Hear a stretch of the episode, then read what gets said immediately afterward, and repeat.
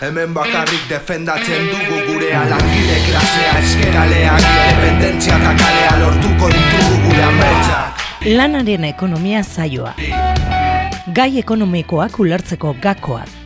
Langileen ikuspegitek. Langile izatea ekonomia ikusteko erabat delako.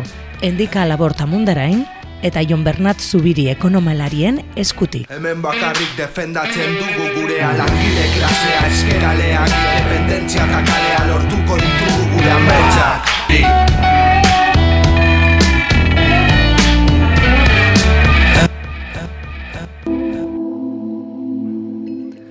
Egunon guztioi hemen gaude, ane kontroletan, endika hemen nago izlari moduan, eta gero Jon Bernat eh, gugaz izango dugu.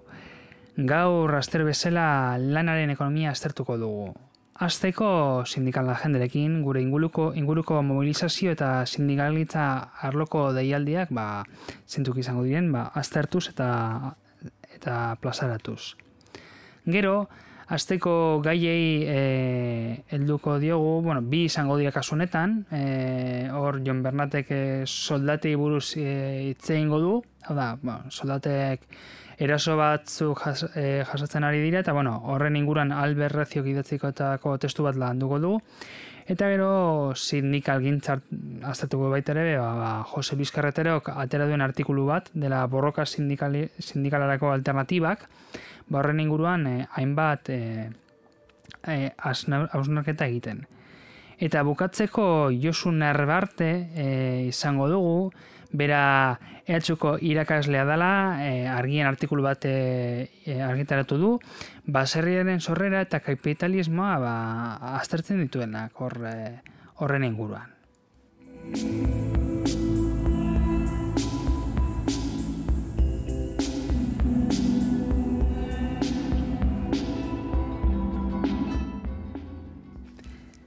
Beno, sindikala jenderekin hasiko dugu, eta bueno, beti modun, Ekuadorretzeari ba, eskertu behar dugu haien laguntza. Ba. Astero pasatzen diren gozak, geuri pa, e, informatzen getuztelako. Azteko, e, eskerreldeko dia supermerkatuetan gaur e, greba ingo dute. Amarter dietan arteaga bitiak kalean, barakaldon, badagoen dendatik aterako dira, martza ingo dute, lasesarre arte baitere barakaldon dagoela. Gero, bueno, larun bat honetan ba, dago manifestazio eh, handi bat dela altsasuko kasua. Hor, eh, erakunde sindikalia guztiak adirazte dute euren elkartasuna eta eskatu dute ba, eh, manifestazio horretan parte, hartzea, parte hartzeko. Masibo izan, da, izan, de, izan izateko. Eta, bueno, espero dugu ba, iruina betetzea larun bat honetan. Jarraituz, badaukagu igandean bi beste bi ekitaldi, bat da Bilbon, milizino eta gudaria komandutuko dituzte hartzandan. Laueia parean eguerdiko amabietan inguru. Eta ordu berean donostian errefusietuen aldeko manifestazioak egingo dira. Hainbat zautu atereko dira hainbat hausitatik. Eta ordu batetan gutxi gora bera alderdi ederrean bukatuko dute.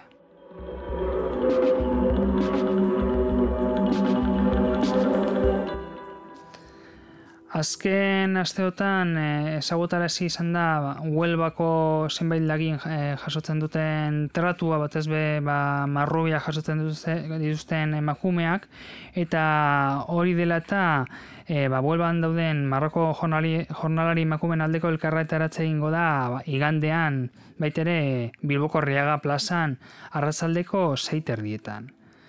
Gero, astelenean e, pentsioekin jarraitzen dugu, ez da gobernu aldaketa egon eta bar eta bar, ba, pentsiodunak e, haiena dena eskatzen dute, eta e, elkarretaratzak egingo dira ba, iriburuetan. E, amabaitan gutxi gora bere, eta bueno, Bilboan beti egiten danez, ba, udaletzen duan. Donostian baita be astelenean epaitegi eta komisaldietako garbitzaileak lan hitzarmenduin baten aldeko elkarreteratzea egingo dute. Enpresa hau garbialdi da, bai Bizkaian baita ere dauz beste gatazka enpresa honekin, enpresa hau da ba, hainbat administrazioan azpi kontata bat, e, garbik eta zerbitzua ba, egiten duena, eta astelenean donostian atotxako ipaite egiten izango da e, elkarretaratza hori eguardian, amabitan. Gero beste gatazkekin jarraituz, ba, Bilboko alondiga, media, balondigako mediatekatako langileak e, baitere berain borrokarekin jarraitzen dute, egunero elkarretaratzeak egiten ari dira, eta bueno, e, ja, e, goizeko ameiketan eta razaldeko bostetatik zazpiek arte elkarretaratzeak egiten ari dira egunero. E, bi zeunak, e, da, ja, lapek e, e, aurrera ematen ari duen ba, mobilizazioa beste kontsumaitzeko era plazaratzeko izango du bere azken azken ekitaldia ekainera mazazpian azparnen.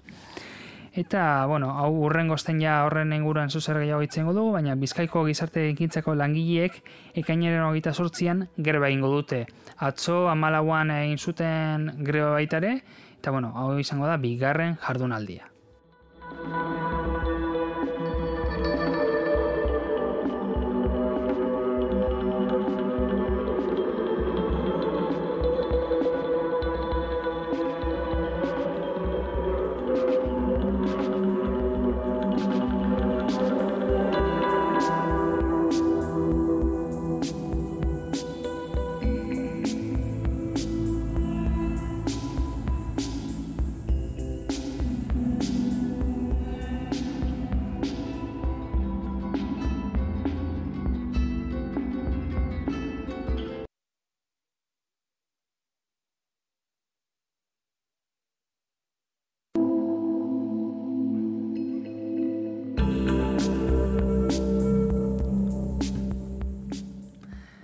Haupa, Ion Bernat. Kaixo handika, kaixo ane. Kaixo, bueno, hemen lehen egon gara aipatzen gaur bi gai, bi testu jorratuko genituela, bat dela alde erreziona eta beste bat dela Jose Luis Carretero erena. Hasiko dugu gure baduzu lehenengoarekin dela alde errezionen testua eta, bueno, soldaten aurkako erasoak aztertzen ditu, ezta? Bai, devaluazio salarial e, dau eitzen e, bera kuaderno, e, hilero egiten dugu kuader, kuadernos post-krisis, eta da sortxigarren alea, eta bueno, bal, e, soldaten inguruan, eta eta gaur egun dauen e, justifikazioak, eta arrazoia, benetako arrazoiak, eta eta bueno, soldatarekin harremanean duen e, ba, politika, langileekiko politika, ez? E, bera, bueno, soldataren evoluzio eta debaleo hori estartzen dute, Eta askotan, ba, bueno, soldatak eh, jeisteko hainbat arrazoi maiaren, maiaren gainean jartzen dira, ezta? Badauze hainbat justifikazio, agian gure iritziz de, esan edo trampatiak direla edo, eta bueno, badauz agian bestatzuk benetazkoa direla. Nik eh, hor beti dago e, ez da bai da bat, ez da, da publikoki izaten dana, devoluzio moteko, eta gero errealitatean dagoena, eta agian komunik abidazkok, ba, trampati horretan geratzen dira, ezta? Horren inguruan hausunak eta egiten du, ezta? Bai, azkenean em, empresarialki, e, arlo ekonomikoan ez harritan zergatik e, jisten diren soldatak, zergatik e, doikuntza politikak e, onartzen diren, azkenean beti e, aurrean edo jartzen den e, argudioa izaten da nazioarteko lehiakortasuna, ez? Azkenean, e, munduan gure produktuak saldu izateko, ba, beharrezkoa izaten da e, beste herrialdeekin eta gu, ekoizpen espezializazio, antzeko ekoizpen espezializazioak dituzten beste herrialdeekin lehiatzea, ez? Baina, klaro, zer esaten du hemen alberrek, e, berez, adibidez, e, nazioarteko lehiakorren diren produktuak, produktu industrialak, e, beraien, e, beraien kostu totaletik, ba, soldatak bakarrik dira euneko hogeita mar bat inguru, ez? Eta azkenean, e, ez dago hain argi, e, soldatak geiztearekin, e, nahiko txu geitsi diren e, soldatak azken amarkadan, e, ez dago hain argi hori e, presioetan e, ustartuko, ustartuko denik, ez? E, ez da hain e, automatikoa eta batzutan gertatu aldabe bai soldaten devaluazioa, azkenean produktuen devaluazioa, produktibitateen devaluazioa, eta era batean edo bestean e, zirkulo bizioso bate sortzea, ez? eta berak eh, aipatzen du benetako arrazoia soldatak jaisteko ez da, ez da nazioarteko lehiakortasuna e, eskuratzea eta esan dugun moduan ez da hain argi nazioarteko lehiakortasuna alan lortu aldenik, baizik eta soldatak eta etekinen arteko e, birbanak eta birbaraketa erregresibo bat, ez? Azkenean, soldata jisten direnean, 2000 bederatzi, 2000 amar, 2000 urte e, gogorren izan zizan e, doikuntza politika horien ondorioz, azkenean helburu benetako justifikazioa ez, ez benetako justifikazioa, benetako helburua sakonean ekonomia kapitalistan dauen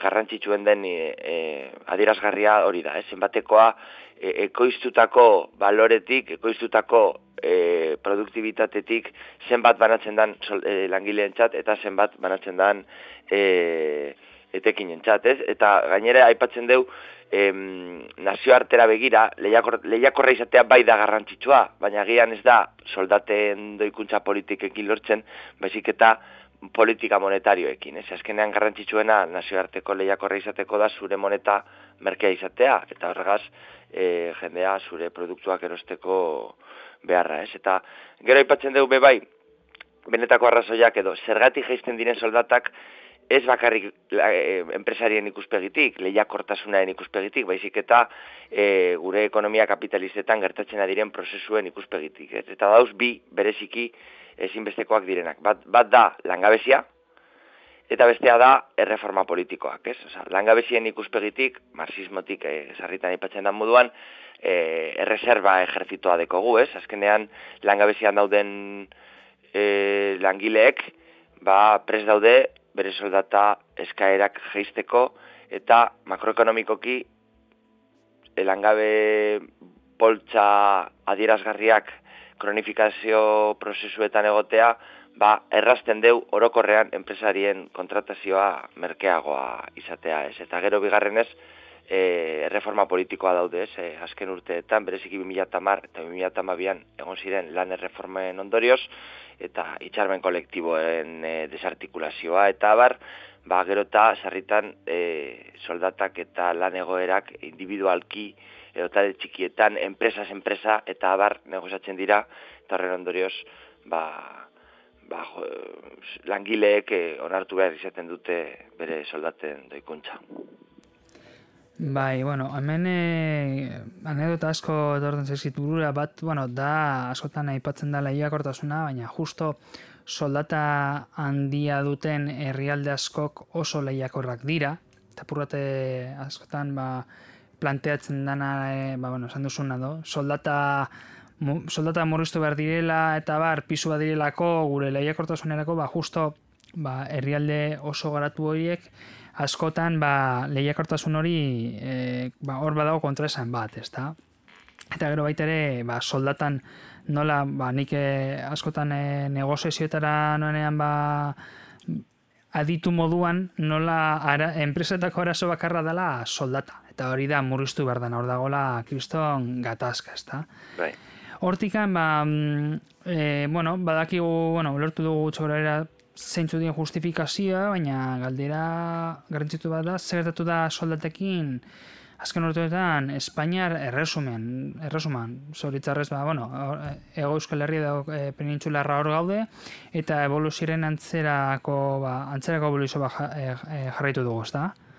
Bai, azkenean e, tendentzia oso antzekoa da, Europa osoan, e, neoliberalismo hasi zenetik e, kapitalismoaren garai berri hau, soldaten aurkako politiketan oinarritzen da, ez? Eh, Margaret Thatcherren e, greba, e, antigreba, e, e, bueno, e, borroka antigrebalarien e, epiko horien e, e, abia puntutik, ba, gaur egun gerota sarritagoan, bai Euskal Herrian eta bai Espainian ikusten da prozesua, ez bereziki alberrezio bera, bera katalana izan da, e, ba, artikulu honetan Espainiako datuak aipatzen ditu, ez? Eta e, batzutan e, adierazgarri eta zifren e, dantzan eta ba, ikusten danaz e, alde batetik soldatek asko jitzin dira e, makroekonomikoki Espainiako ekonomian, euneko hogeita amabi, ia euneko hogeita amabi, berrogeita amabi batetik, e, euneko berrogeita sortzi baino gitxiagora, hau da, ia, ia, euneko iru puntu jitsi deu 2008-tik 2008-azpira, eta gainera soldaten banaketa hori, barne banaketa hori gero eta desorekatutagoa dago, ez? eta gero eta e, oreka, oza, tartea handiagoa topatzen da, alde batetik, ba, soldata orokorrak e, gitxitu edo, edo den garai honetan, ba, askoz nabarmenagoa dan edo ikuntza politika hau, ostalaritzan, e, e, ekintza auxiliarretan eta administratiboetan, beste zerbitzuetan, e, eta barez, azkenean, berak ez den deus e, langile tipoaren e, irudia oso distorsionatuta dekogula, eta e, berez Espainian, e, emeretzi, emez, amasei eta emeretzi mila urt, e, e, euro urtien kobratzen da langile diaren zati, ba, ba, e, esan aldugu, ba, gehien ikusitakoa edo medianak eta eta modalak eta berez e, ama bost, ama zei, ama mila euro urtien e, kobratzen duen e, langile tipoa ba, sektoreka eta bereziki bai gizon eta emakoen arteko desoreka ba, nabarmena da eta gero eta nabarmenagoa da, ez? Sarritan bereziki gizon eta emakumeen arteko desorekan e, diskurso ofiziala da, bueno, desoreka bat dago emakumeak itxeago kobratzen dute, baina oberantz doan egoera bat da, ez? Eta, bueno, ba, hau ez da datuetan e, onartzen, ez? E, ustartzen edo bentset adierazten. Eta bai enplegu administratibo eta auxiliarretan, bai aktivitate tekniko eta profesionaletan, bai orokorrean zerbitzuetan, adibidez, be bai osasun zerbitzuetan, zerbitzu sozialetan, oso nahiko feminizatutak dauden zerbitzu horietan, ba, e, soldata arrakalak izan eta emakumeen artean e, asko zaundiagoa da, ez? Bataz bestekoa baino, ez? Eta, bueno, hemen prozesu desberdinak hau ipatzen dira, emakumeak enola, ba, e, gorantz egiteko edo bere karrera, bere, bere langile ibilbidean, ba, gorantz egiteko e, em, beirasko e, te, tetsu bat edo topatzen dabe, eta gero eta gehiago be, erabiltzen dabe bai, e, beren gainetik edo e, e, beko partea edo e, pegajosoa dela, ez suelo pegajoso edo efektua. Eta bueno, azkenean badu sektore batzuk non horrekak ez dira inabarmenak, adibidez eskuntzan, eta, eta, eta osasun e, zenbait e, medikuen arteko harremanetan, eta gero bebai ba, langile gero eta kualifikatu egoetan, ba, e, desorekak gero eta hundiagoak dira, ez, emakumeak beraien formakuntza gaitxik soldata desente bat eskuratzea gizonak baino asko e, gatzagoa da datuen e, a, e, aburuz, ez? Eta bezkenean alberrezion zat, eta honekin bokatzen da bere artikuloa, bai kapitalismoa, bai patriarkatua, eta bai imperialismoa elkar eragiten dituzten egiturak dira, eta bueno, ba, barren ondorioz, ba, e, langileen kontrako egoera, ba, gero eta kaskarragoa da, eta datuetan ikusten da moduen e, txarrerantzuan egoera da. Bueno, hori ikusi dugu, ba, alde, entzun dugu alberrezioren ba, hausnarketak ez da hor kontatu dizkiguzu, baina, bueno, eta agian planteatzen duen ondorioa ez da oso positiboa zentzurretan edo ez dela postikoa, baina beste alde batetik badaukagu Jose Luis Carreteroren tekstu bat, ez da? Jose Luis Carretero da e, sindikalista bat, baitere ba, abokatua eta izeako kidea. Berak eh, sindikalismoari buruz hainbat e, eztabaida piztu ditu estatu mailan edo horretan ibili da eztabaidan, ba sindikalismo iraltzailetik, anarko sindikalismoa eta parte horretatik eta azken egunotan ba borraka sindikalerako alternatibak e, ba, horren inguruan gehiago landu du, ezta?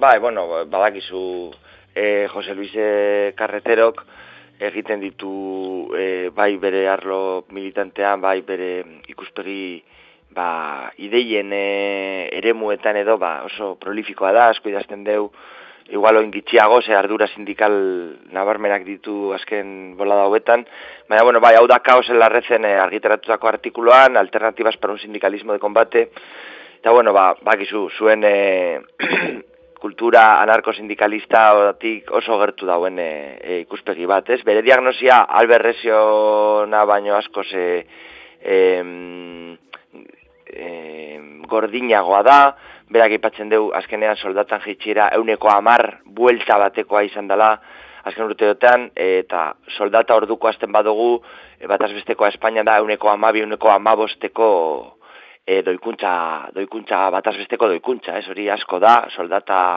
eriburuz hitz egiten dugunean, e, hogeita mar mila milioi euro desagertu dira soldaten e, aldetik eta eta etekinak amalau mila euro igoin dira, ez, e, bi mila eta e, zazpitik, e, 2008tik, 2000 eta amabosteko datua erabiliz.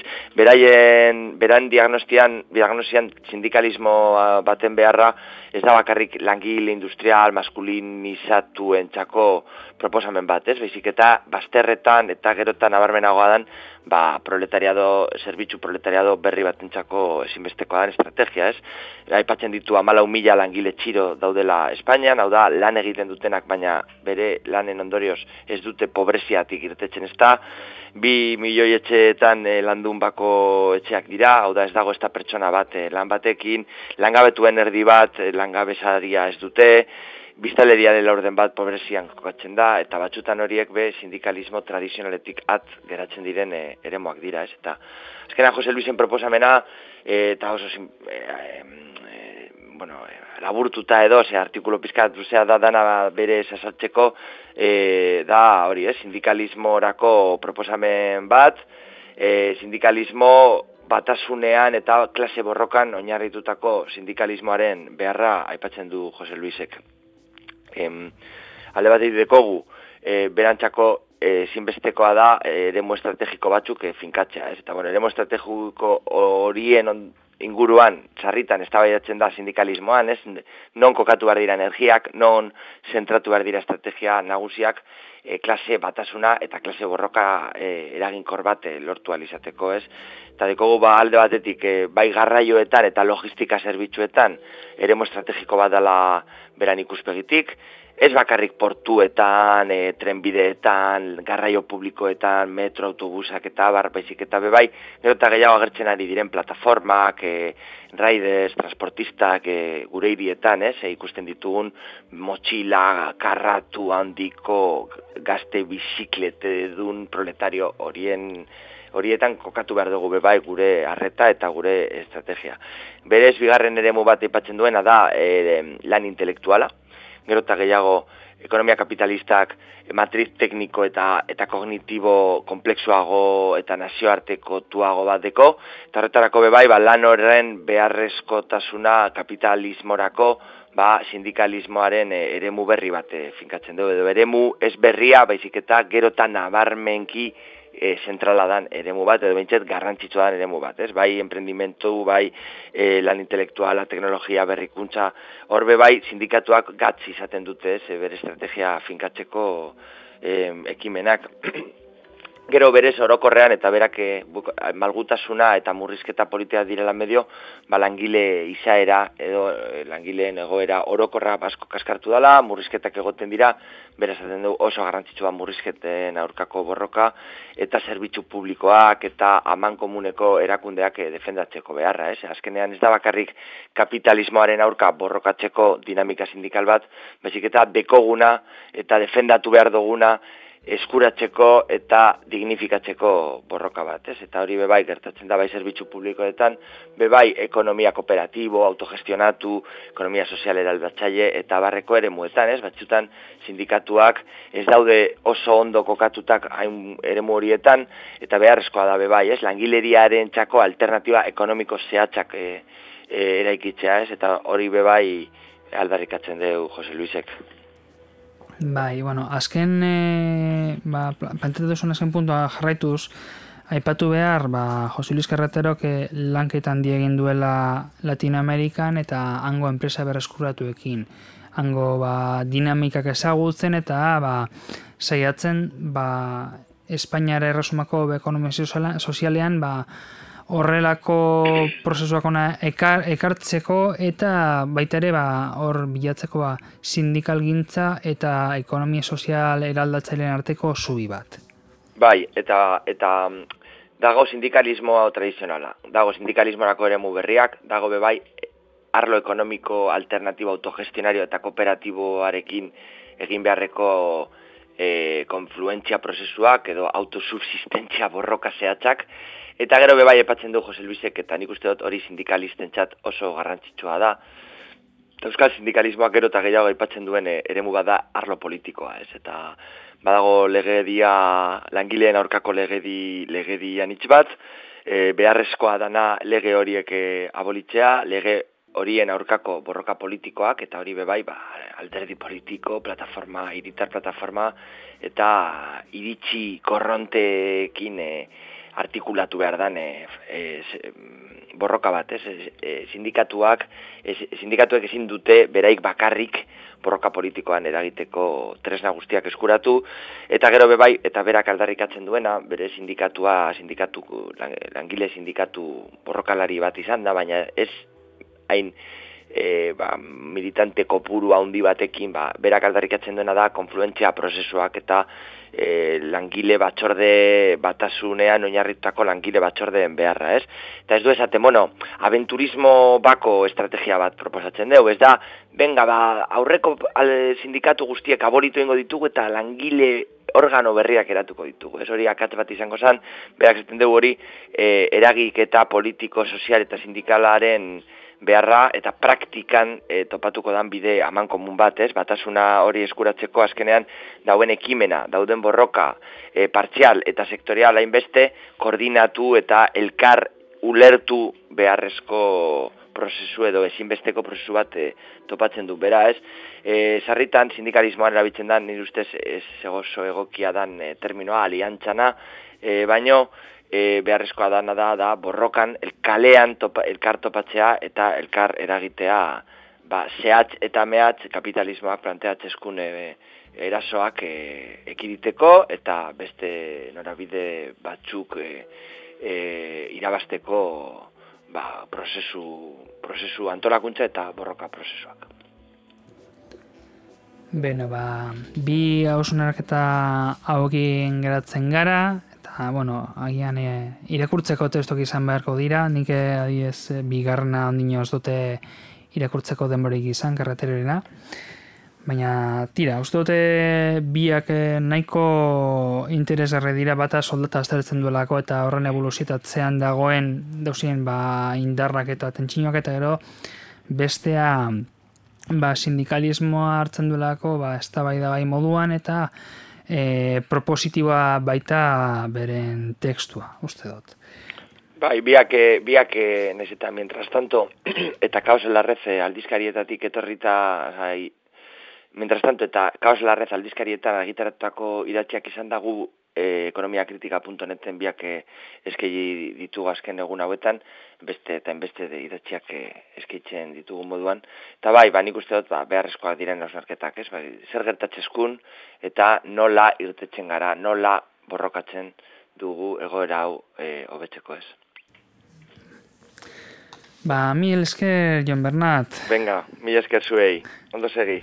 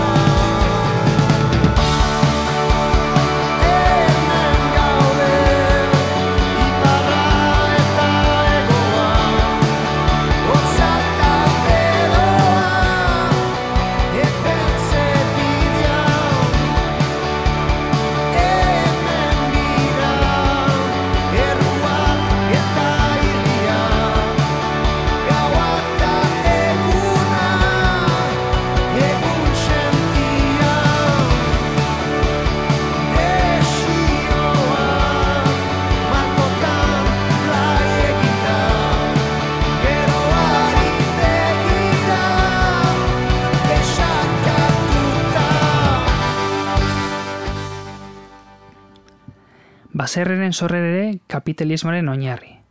Izenburu honekin Josun Arbartek argian e, artikulu bat atera du. Eta horren inguruan ba, e, batzuk e, izango ditu beragaz. Kaixo Josu? Egun honen dikaz. Egun hon. Bueno, e, azteko, bueno, e, baserria gure tradizioaren parte moduan hartzen dugu, askotan beti, beti jarri da ba, kapitalismo, industrializazioa eta olako irudia eta horrein kontra ba, baserria, ez da? Ba, olako ba, eden batetik e, etorri zena. Baserria tradizioen oinarri moduan hartzen da, baina askotan baitere, ointxe apetu du moduan, kapitalismoaren antagonista modun agertzen da. Horri horrela alda edo, edo ez?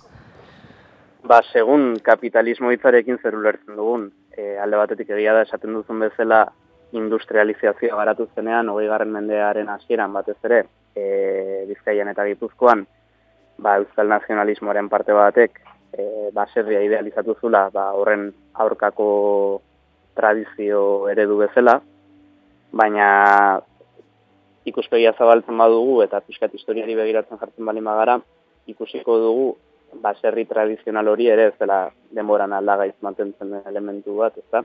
Eta azkenean, bai, prozesu historiko jakin baten amaitza dela, prozesu historiko hori gutxinez erdiarotik garatzen aritu dela, eta eta baserria ba ez dela inguruko mundutik isolatuta egon den elementu bat izan.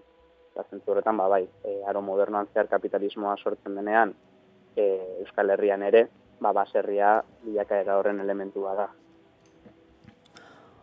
Ba, hau e, entzun da, apurate argitzen da hobeto zin da baserriren papera kapitalismoarekin, ez da ez dela e, planteatu zen moduan horrako entzina idiliko bat edo, edo bestelako bat. Landa ekonomia nolakoa zan garai horretan baserria agertu zan garai hori?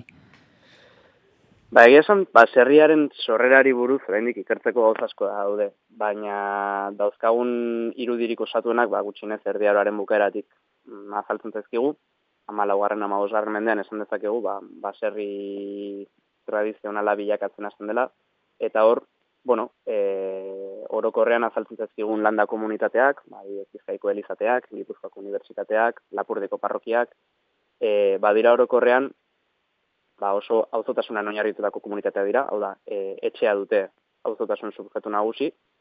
Etxe hoiek normalean e, zenbaki mugatu izaten dira, hau da, ez dira etxe berriak sortzen e, demografia aldatu ala, eta auzotasun horrek eskubidea ematen du ez soilik parte hartze politikorako, baizik eta baita e, baliabide komunal batzuen, nagusiki herri lurren ustiak eta kolektibo baterako, ez da.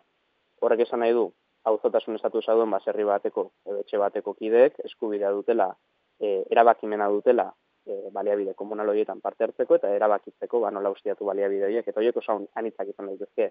Gehienetan baso lurrak izaten ziren baina badaude ba, larre lurrak bazka lurrak ere ba ganaduentzako e, badaude ikaskintzarako egurgintzarako untzigintzarako erabiltzen diren e, baso eredu desberdinak e, orbela jasotzeko garoa jasotzeko. Batzutan baita labore, aldi baterako laboreak egiteko, baina beti ere e, kolektiboki kudeatutako lurrak izaten ziren. Zer gertatzen da, erdi aroaren bukeratik bertatik abiatzen dela prozesu bat, zainaren arabera, e, bueno, baliabide kolektibo hoien gaineko presioa azten joten da, e, neurri handi batean, ba, inguruan ere, ba, bilakaera komertzial bat ematen delako, ba, zere Amerikako trafikoak ezartzen direnen, aro modernoan zehar, eta, eta presio horrek eragiten du, ba, baliabide komunal hoiek privatizatzeko joera bat edo ematea. Marsen kapitalan, ba, antzeko, bueno, edo nik eh, horrela ikusten dut, antzeko prozesu bat emoten da kapitulu batean, zeinan asaltzen den ezitze prozesu, prozesua.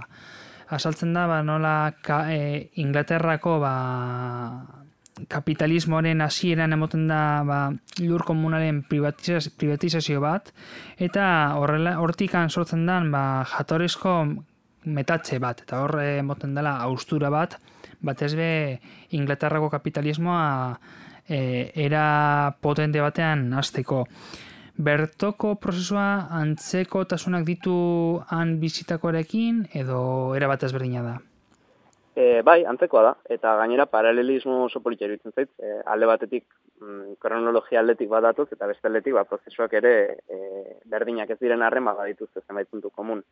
E, Inglaterran enclosures edo ditzen den prozesu hori nagusiki eliteen landa nobleziaren e, eskutik eman zen, baina egia da e, herri lurren privatizazioa eta eta eta labore lur bilakatze hori edo bazkalur pribatu bilakatze hori e, ba, bueno, kapital metaketa baterako abia puntu izan zela, eta Euskal Herriaren isuriale atlantikoan ba, prozesuak baditu antzeko tasun batzuk. E, zentzu horretan, adibidez oso interesgarria da saro bedokortekin gertatzen dena, ezta? Oiek badira herri lurretan azaltzen den tipologia bat, badira herri lurretan mugatutako espazioak erdiarotik azaltzen dira, e, eta, bueno, orokorrean erabilera desberdinak izan ditzakete, baina e, nagusiki bazka, bazka lurrak, abere, abera zintzarako lurrak, eta baso gintzarako lurrak izaten ziren. Zer gertatu zen? Ba, amasi garren mendetik aurrera batez ere, herri lurren gaineko presioria zareagotzen hasi zenean, e, ba, bueno, saro behoietako asko, ja, lurralde definitu bat zeukatenez, ba, baserri berriak ere egitzeko oinarri bezala erabili zirela, da, enclosure antzeko ebesitze antzeko prozesu baten bidez, ba, baserri berriak ere egiziren e, menbilur gainean. Euskal Herrian, Inglaterran ez bezala, e, hori sustatu zuten aktoreak anitzagoak izan ziren. Ba, egia da, e, landa noblezia gara bateko agai nagusiek e, sustatu zuten lan horri batean, baina kontzejo askok ere, herri kontzejo askok ere horrelako prozesuak sustatu zituzten, eta, bueno, badirudin, neurri batean ere, e, laborarien e, iniziatiba ere izan zela prozesu horretan. Kontua da, ama zazpigarren, emezortzigarren mendeetan asko edatu zirela horrelako baserri berriak, eta horrek eragintzen ba azken finean herri lurrak erdi erotiko dizikatu den bezala ba desartikulatzea eta bueno e, oinarri bat izan zen edo edo nola baiteko e, abanguardia bat ba gero ja 19. mendean ba konbentzio horrearen ondoren e, desamortizazio prozesuak eta ja herri lurren privatizazio masiboa adiarazteko Lehen aipatu duzu, ba, Amerikako eh, hainbat produktu etorri zirala ona, baita ere merkateritza, eta horren arira, bueno, eh, eldu ziren labore produktu berri pilo bat gure lurraldera. Horrek eh, zelako eraldaketa sortazi zuen landa inguruan? Bueno, eh, egia esan gai horren inguruan, horrendik ikertzeko asko dago. Eh, egia da, Ameriketatik ekarritako produktu berrien artean batez ere hartoa nabarmentzen dela, eta amazazpi garren mendeko nakazal irautzari hartoaren irautza ditu izan zaio. Egia da, e, baserri modernoa garatzearen eta edatzearen e, faktoreetako bat izan zela hartuaren sarrera, ze hartuaren sarrerak e, eragin zuen ba, beste gauza batzun artean lurgorria abandonatzea eta hartu eta gari errotazioak ezartzea, e, horrek suposatzen du nekazaritza intensiboago bat, e, alde batetik e, ongarri ze kapital lan inbertsio gehiago eskatzen duena, baina bestaldetik lurrumitateko ere produktibidadea handiago eskintzen duena. Eta neurri horretan horrek albidetu zuen baserri gero eta txikiagoak, baserri gero eta e, ugariagoak sortu alizatea. Dena den, e, lehen esan dizu bezala, herri lurren privatizazioa lehenagotik erabiatuta zegoen, amasi garren mendean bertan, e, ja, Atlantiko azbestaleko komertzioak nagusitzen azten direnean, hartua edatu baino lehen ere, herri lurren gaineko presioa hor zegoen. Beraz, e, badirudi hartoa etzela izan, edo hartoa eta beste, beste labore batzuk ere, babarruna ere bai, bueno, e, ez zirela izan egin beste e, faktore kausal bat, baizik eta gehiago baia martxan zegoen prozesu batean e, sakontzeko estrategia ezin bat, hori sakontzeko aukera ematen zuen e, aliabide bat. Eta mm, gaur egun landa eredu aurre kapitalistatik e, zeu geratzen alzaigu edo ja historian hor gertatu zenako, zelako gauza da eta listo, ja e, ez da eredu aurre kapitalista horretatik zeu geratzen? Bueno, bai, e, alde batetik noski kapitalismoa ez da e, gauza homogeneo bat. E, aipatzen ari garen aldaketa guztiak toki desberdinetan eman ziren ritmo desberdinekin eta eta intentsitate desberdinekin eta ez da berdina e, adibidez Gipuzkoan edo Bizkaian eman zen herri lurren privatizazio prozesua edo Nafarroako isuriale atlantikoan eman zena. Nafarroaren iparraldean pentsatzen badugu ikusiko dugu adibidez irigune gutxiago dagola, txikiagoak direla, e, baserria ere ez zela inbeste datu, saroi edo burden gainean eraikitako baserri gutxiago dagoela, eta ez da kasualidade herri hoiek adibidez, e, herri hoiek adibidez, herri lurrak ba, hobeto mantendu izana, bastanen pentsatzen badugu, bastango lurralaren euneko laro gehi baino gehiago, oraindik ere komunala da. E, beraz, bueno, e, prozesua etzen homogenoa izan, eta, bueno, horrein dikan badaude aurreko ereduaren zenbait arrasto. Argi dago, dena den, e, gaur egun gizartera bat kapitalista batean bizi garela, neurri handi batean industrializazioaren ondorioz, baina industrializazio hori esan dudan bezala ba oinarritu zen e, lehenagotik ere bazetorren ekazali dautza batean, baina Ingalaterran gertatu zen bezala, Frantzian gertatu zen bezala, eta Europako beste lurralde batzutan gertatu zen bezala. Askotan baitere, ba, etorkizunare begira jartzen garenean, ba, ba, lehen aldira edo historiara begiratzen dugu, ba, ereduak edo idiak e, hartzeko asmoz. Eta hemen, ba, landere moan badakigu ba, krisian dagoela, bueno, badara ma krisian ez dekitzen bat mendia jarraian, baina krisia gero eta larriago da. Eta hori kontutan atuz, landare moa ba, kapitalismoetikak bizibirritzeko zer izan daiteke baliagarria zero ustez? Bueno, galera zailena dukera erakutsi dezula ikusten dut, e, ez da katerantzun argirik horretarako. Nik uste dut, e, alde batetik arazo desberain errazari garela, alde batetik amadukagu e, jabetzaren arazoa, ez da, e, hain zuzen ere, baserriaren edapenak eragin zuen e, ondorioetako bat izan zen jabetzaren polarizazioa. Hau da, baserri berriak herri lurren gainean ere ikizirenean, jabetza ez zen modu berdinen banatu eta horrek eragintzuen emeretzi garren mendean zeuden desberdintasun sozial handiak areagotzea. Arazo hori oraindik ez da konpondu. E, Euskal Herrian oraindik ere e, lur jabetza ez dago bat ere horrekatuta. Beste kontu bat da, produkzioari dago kionez. E, egia da, emeretzi garren, hogi garren mendea zirako baserri tradizional horiek e, neurri handi batean auto autokonsumorako produkzio bat garatzen zutela. Egia da neurri handi batean ere baserrioetako askok gero errentarako eta eta eta komertzializaziorako surplus bat ere garat, e, produzitzen zutela. Baina gaur egun eredua ez da hori. E, industrializazioaren ondorioz eredu hori aldatu egin zenera bat, e, baserrietako populazioaren parte handi bat industriako lanetara mur, mm, aldatu zen, eta baserrietako produzioa ere berorientatu egin da gaur egun mm, baserrian produzitzen dena eta baserrian kontsumitzen. Orduan, e, ez dakit, nik uste dut etorkizunera begira mm, gauz asko egin daituzkela, gauz asko planteatu daituzkela, e, tokiko produktuaren garantzia, tokiko produkzio e, jasangarri baten garapena, horrelako iniziatibak martxan jartzen ari dira toki desberdinetan, baina uste dut oraindik e, erantzun argi bat eukitzetik oso horropi gaudela. Bai, banekien Josu gaderau nahiko konpresoa zala eta agian e, erantzunik gaioka, baina bueno, e, ikusita ba, egindako lana ba, egit, egin, egin behar nun, hori zan apurrote plantamendua. Bai, bai, eskertuta, eskertuta dago. Bai, ba, mi esker josu, e, testua asaltzea batik eta parte hartzea batik. Bai, eskerrik asko zuhi ditzatik. Bale, jo. Aio.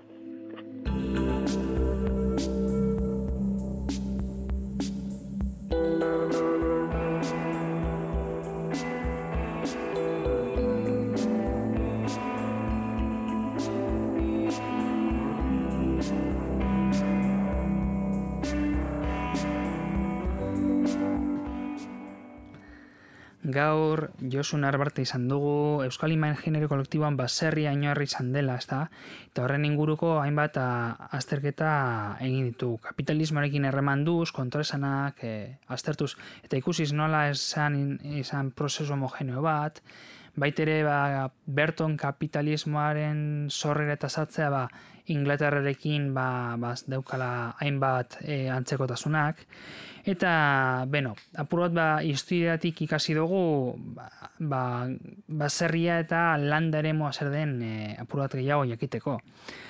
Bestaldetik, ba, Jon Barratek bi artikulu ekarri, ekarri gaitu, e, bata da soldataren inguruan e, landu duen ba, alberrezioen testua, soldater horien ba, analisia eta evoluzio aztertuz, eta gero Jose Luis Carreterok eh, egindako testuak hau rezekoa, sindikal gintzari buruzkoa. Guztionekin, ba, eh, hainbat hausunak eta izan dugu, eta hor eztabaida mailaren gainean dago. Gaurko saiamen bukatzen da, burren goztilelean bertu izan gara berriro, hemen gaude Joan Bernat, eta handika Ane Zabala kontrolean. Ondo izan. Hemen bakarrik defendatzen dugu gure alangile klasea eskeraleak Independentzia eta kalea lortuko ditugu gure ametsak Lanaren ekonomia zaioa. Gai ekonomikoak ulertzeko gakoak. Langileen ikuspegitek langile izatea ekonomia ikusteko erabat delako. Endika laborta mundarain, eta Jon Bernat Zubiri ekonomalarien eskutik. Hemen bakarrik defendatzen dugu gure alangile klasea eskeralea independentzia eta kalea lortuko ditugu gure ametsak.